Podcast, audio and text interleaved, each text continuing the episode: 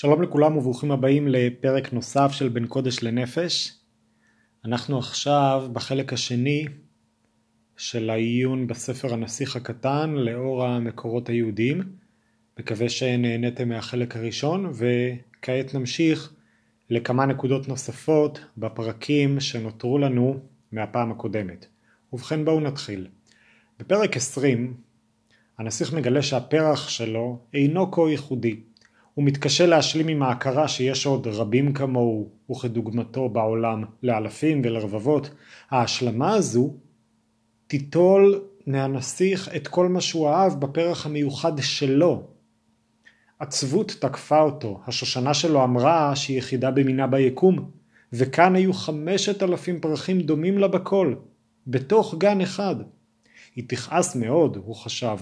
אם היא תראה את זה, היא תשתעל בצורה נוראית ותעמיד פנים שהיא מתה, כדי לא להיות ללעג, ואני אהיה אנוס להעמיד פנים שאני סועד אותה חזרה אל החיים, כי אחרת היא עלולה לגבוה באמת, כדי להעניש אותי.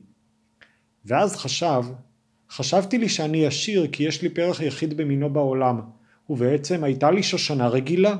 שושנה רגילה ושלושה הרי געש שמגיעים לברכיי, ואחד מהם אולי כבוי לעולמים, זה לא עושה ממני נסיך מאוד מפואר. האם באמת קיים צורך אנושי ודתי הכרחי להכיר בייחודיות של קיומנו?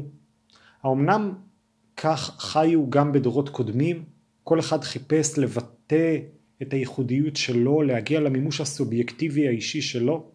או שמא זהו צורך שהתעצם בעיקר בזמננו, בעקבות החשיבה המערבית, על ידי מגוון תהליכים של חשיבה פילוסופית וקדמה טכנולוגית שהעניקו זכויות אדם ואזרח וזכויות לילדים ופיתחו כך סגנון חשיבה וערכים שמחנכים אותנו לשאוף להיות ייחודיים, לבטא ולממש את מי שאנחנו על ידי שנחיה באופן אותנטי, כמו למשל בפילוסופיה של קירקגור והיידיגר וסרטר.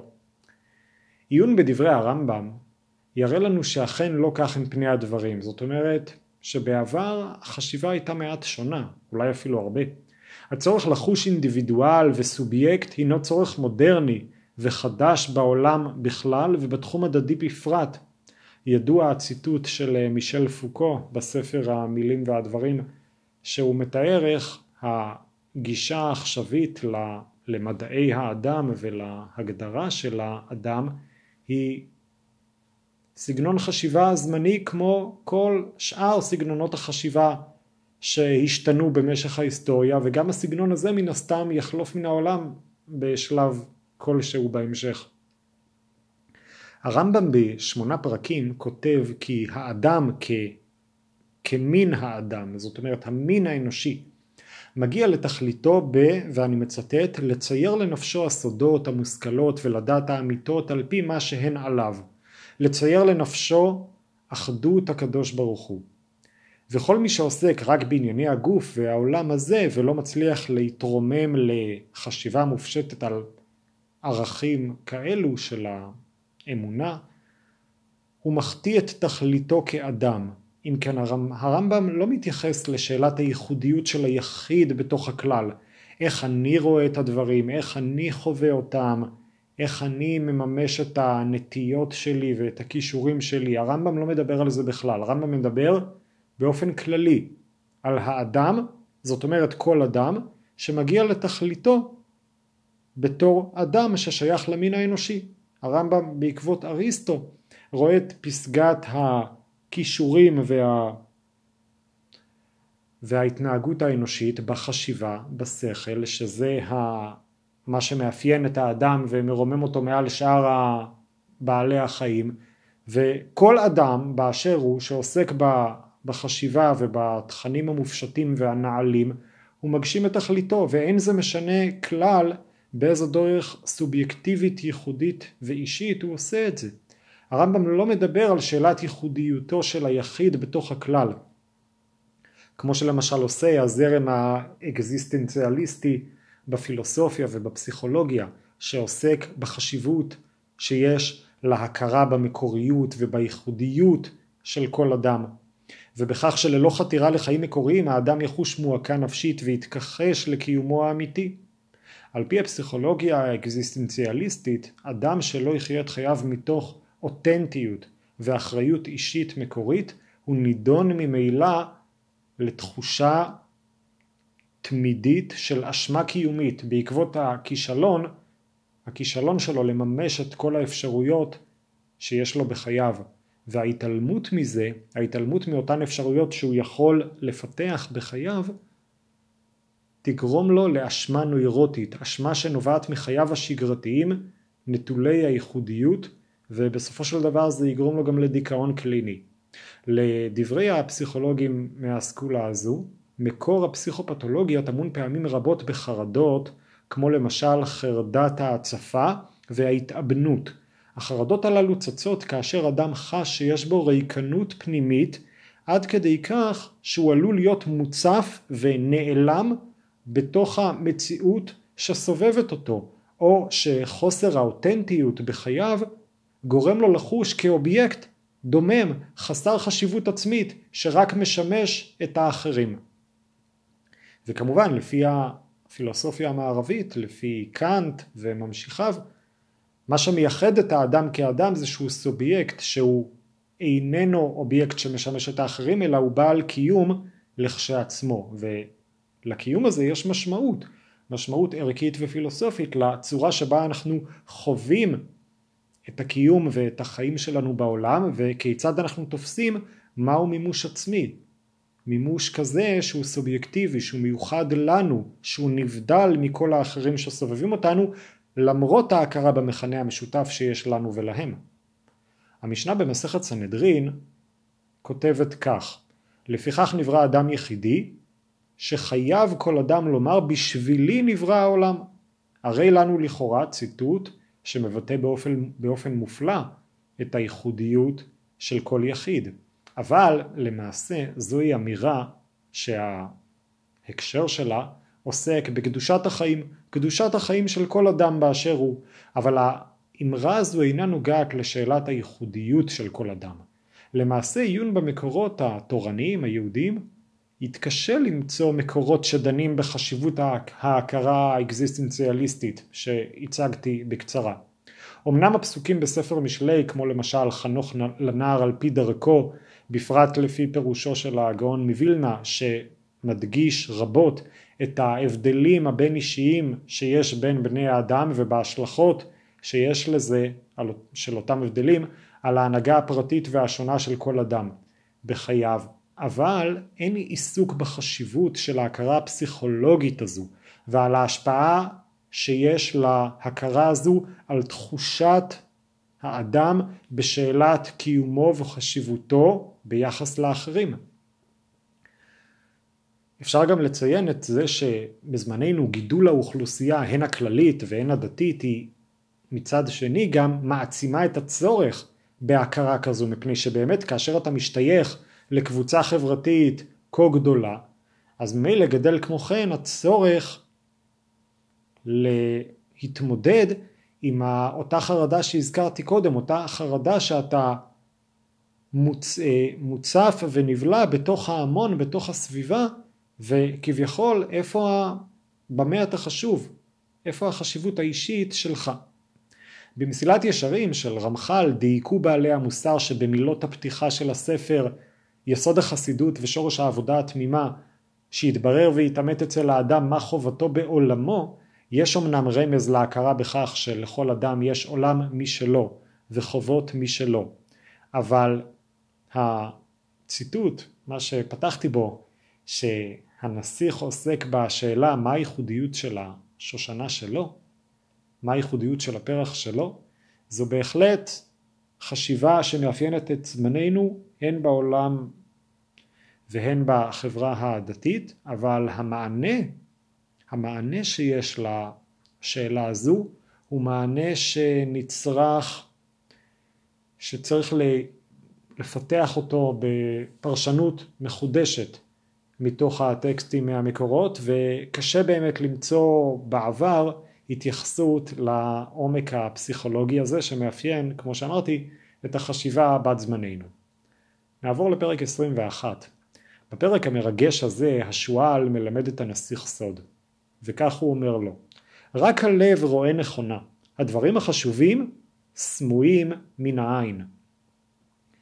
כהמשך למה שהטריד את הנסיך בפרק הקודם על ייחודיות הפרח שלו, הנסיך לומד מן השועל כי אל לו, אל לו לחשוב שהפרח שלו אינו מיוחד רק משום שישנם בארץ עוד אלפי פרחים זהים לו.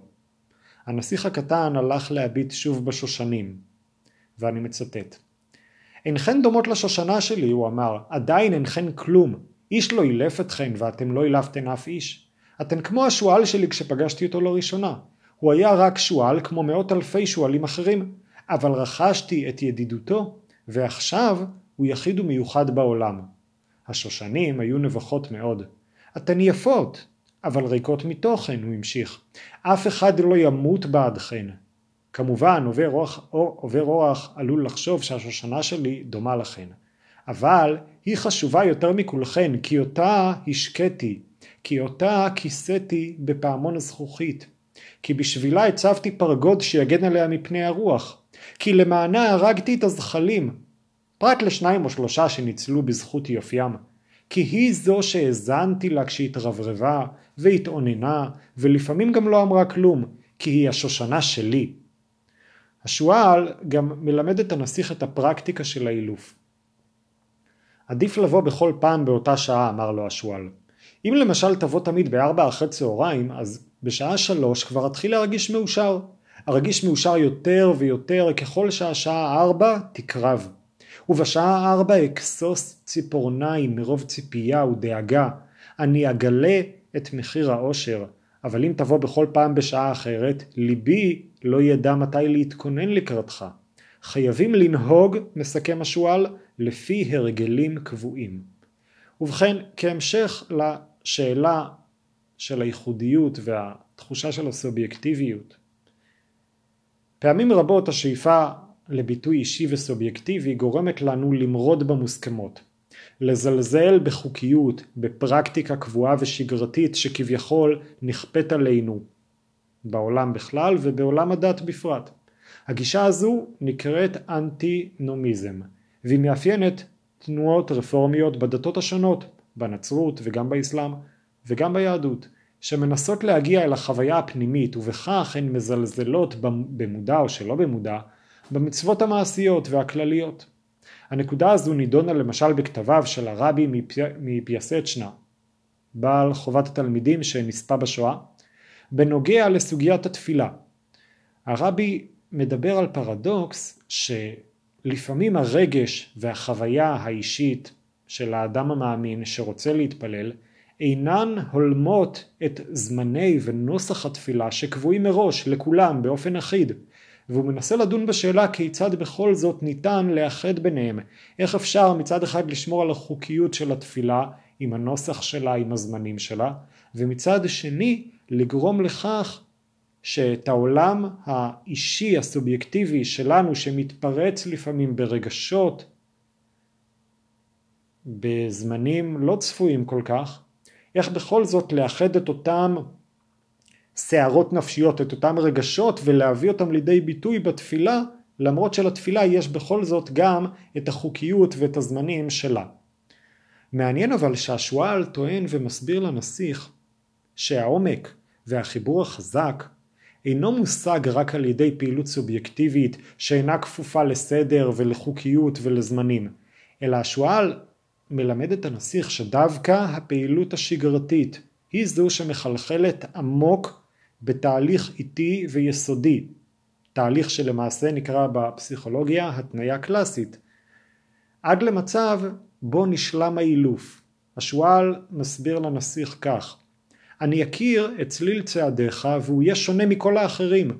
למשמע צעדים אחרים אני זוחל אל מתחת לאדמה. הוא מפחד. אבל כל צעדיך יקרא לי כמו מוזיקה לצאת ממחילתי. כן, כל סטודנט מתחיל לפסיכולוגיה מכיר את ההתניה הקלאסית מהמחקרים של פבלוב, איך שהכלב היה מרייר כבר למשמע צעדים של מי שהוא ידע שיביא לו את האוכל.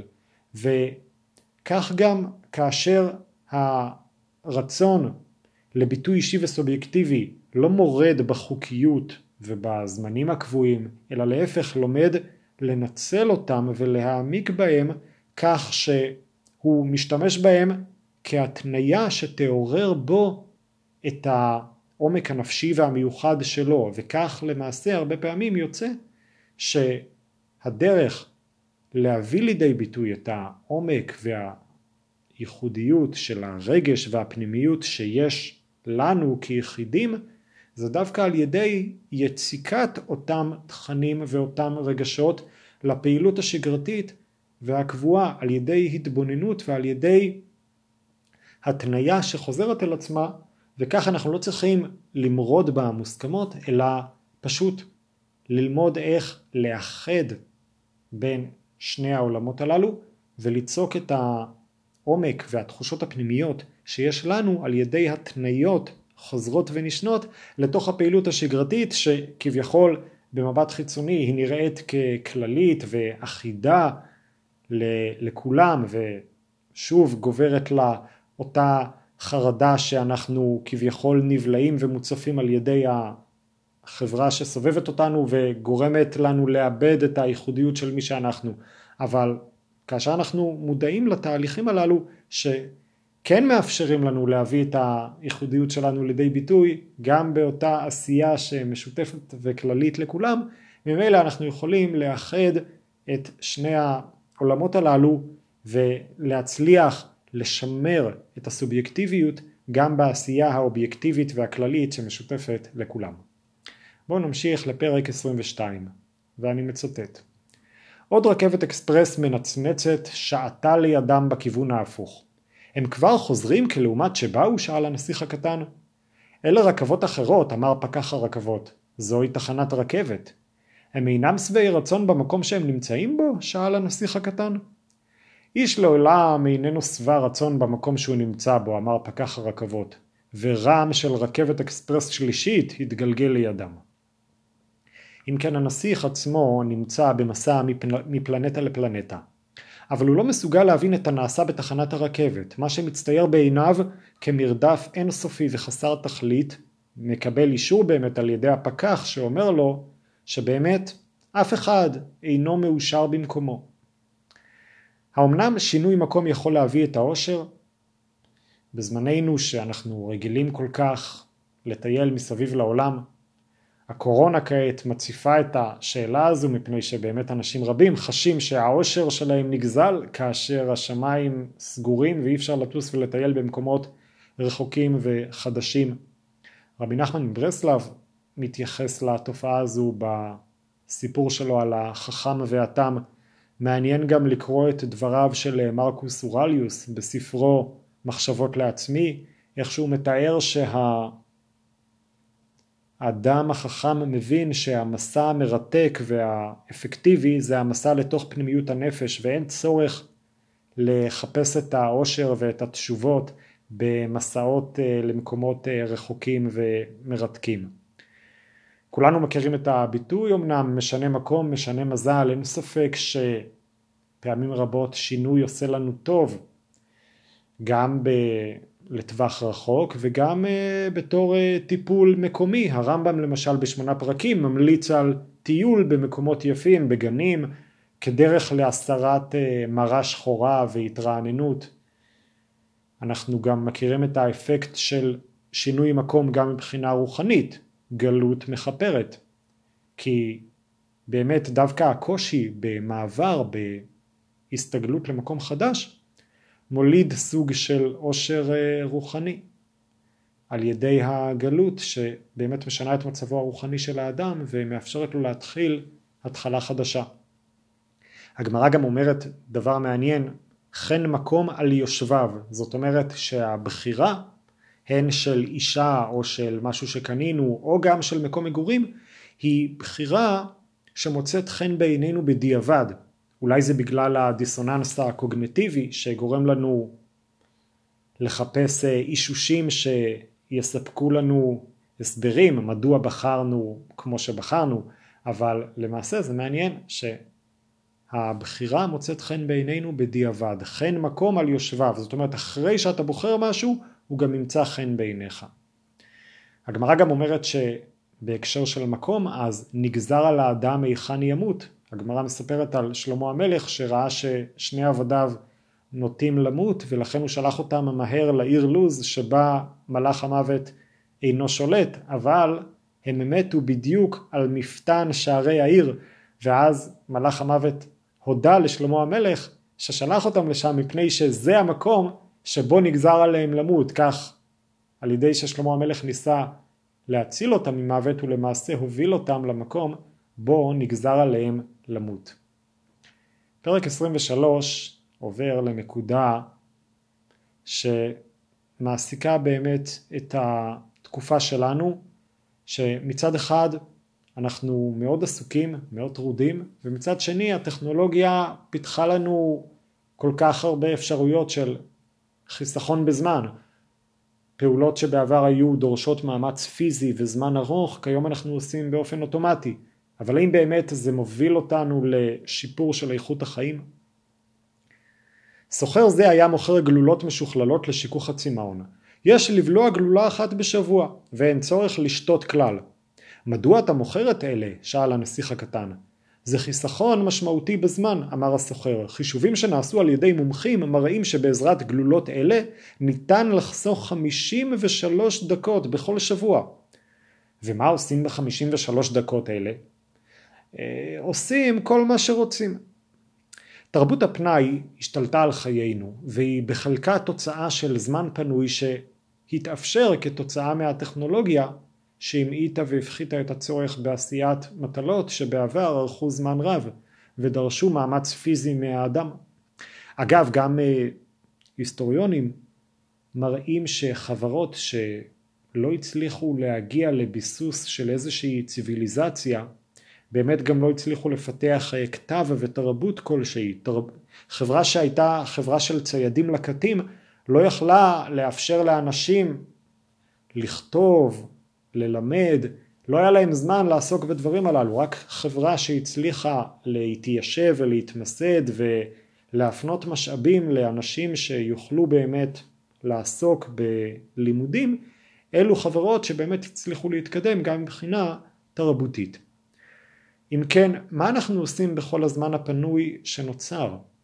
ויקטור פרנקל מייסד הלוגותרפיה, שהיא גישה פסיכולוגית טיפולית שמשולבת עם פילוסופיה אקזיסטנציאליסטית, מתאר בספריו את אותה תחושת ריקנות שנוצרת בחופשות, בחגים, או למשל עכשיו אה, לאנשים שנמצאים בבידוד בקורונה, אנשים לפתע אינם עסוקים בעבודתם, השגרה שלהם נלקחה מהם, ופתאום הם תופסים שהם לא בדיוק יודעים כיצד למלא את החלל.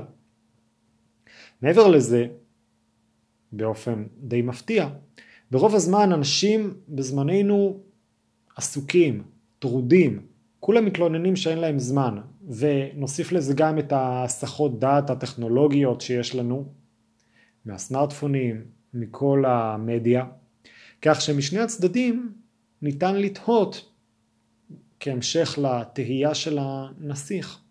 האם אמנם הקדמה תורמת לאיכות חיינו, או שמא היא רק יצרה קשיים חדשים? יש לנו כביכול את האמצעים באמת לחיים שמאפשרים לנו יותר פנאי, וכפי שאמרתי, גם מבחינה היסטורית, אנחנו יודעים שרק בחברות שהצליחו ליצור את אותו פנאי, הצליחו לאפשר לכהנים, למלומדים, לשבת וללמוד וללמד ולהגות ולכתוב ולתעד ולשמר את אותה חוכמה, רק אלו החברות שנשאר לנו מהם משהו, חברות שהצליחו להתפתח מבחינה תרבותית, טכנולוגית וכולי, אבל לעומת זאת התרבויות שבאמת לא היה להם זמן לזה, אז באמת לא נשאר מהם אה, שום דבר מבחינה תרבותית אה, היסטורית. אבל האם באמת זה לא עומד לנו לרועץ? מתי באמת היה לנו, למישהו מאיתנו, מתי יש לנו באמת זמן לעסוק בשאלות החשובות באמת, לעצור ולחשוב מה שהיום אה, כל קאוצ'ר עושה בעצם, מלמדים אותנו להציב אה, חזון, להציב יעדים, לתכנן אה, תוכניות, אבל בעצם זה לא חוכמה חדשה, בעצם זה משהו שאומנם אה, דורש השקעה והתבוננות, אבל ייתכן דווקא שבאופן טבעי אנשים בעבר יכלו, למרות הקשיים, למרות שהיו צריכים לכבס ביד ולשאוב מים וכל מיני דברים כאלו, יכול להיות אבל שאנשים היו יותר מחוברים לעצמם, הם היו יכולים אולי לחשוב באופן יותר רגוע על מה הם רוצים מעצמם ומה הם הולכים לעשות עם החיים שלהם, בעוד שדווקא התקופה שלנו, שעם הקדמה הטכנולוגית יצרה לנו המון פנאי, אבל מאידך גיסא היא יצרה לנו המון הסחות דעת, הסחות דעת ש... נוטלות את העוקץ ומסרסות במידת מה את האפשרות שלנו לנצל בחוכמה את אותו פנאי ואולי לכן אנחנו צריכים אה, לפנות לאנשים שזה המקצוע שלהם, לחפש את אותו ייעוץ מקצועי של מנטורים ומאמנים ויועצים ופסיכולוגים שהם יעשו עבורנו את אותו תהליך שלמעשה מטרת הטכנולוגיה הייתה באיזשהו מקום לאפשר לנו להגיע לזה בכוחות עצמנו. למדנו אם כן בפרקים שסקרנו ממש בקצרה על קצה המזלג מהספר החביב הזה, הנסיך הקטן, עמדנו על כמה נקודות חשובות ששפכו לנו קצת אור על פי המקורות היהודיים, על פי דברי רבי נחמן מברסלב, אודות שיפוט עצמי, שיפוט הזולת, כיצד אנחנו מגדירים את עצמנו ואת האחרים, ובעצם כיצד לדעת איך להתרכז במה שחשוב באמת בחיים. זאת אומרת, עם כל העשייה ועם כל המרדף האינסופי שלנו אחרי יעדים והישגים, עלינו לשים לב, כמו שהנסיך מאיר את תשומת ליבנו, לשים לב לדברים החשובים באמת, אותם דברים שאנחנו יכולים להרגיש ולומר שעבורם אנחנו חיים. תודה רבה על ההקשבה וניפגש בפרקים הבאים.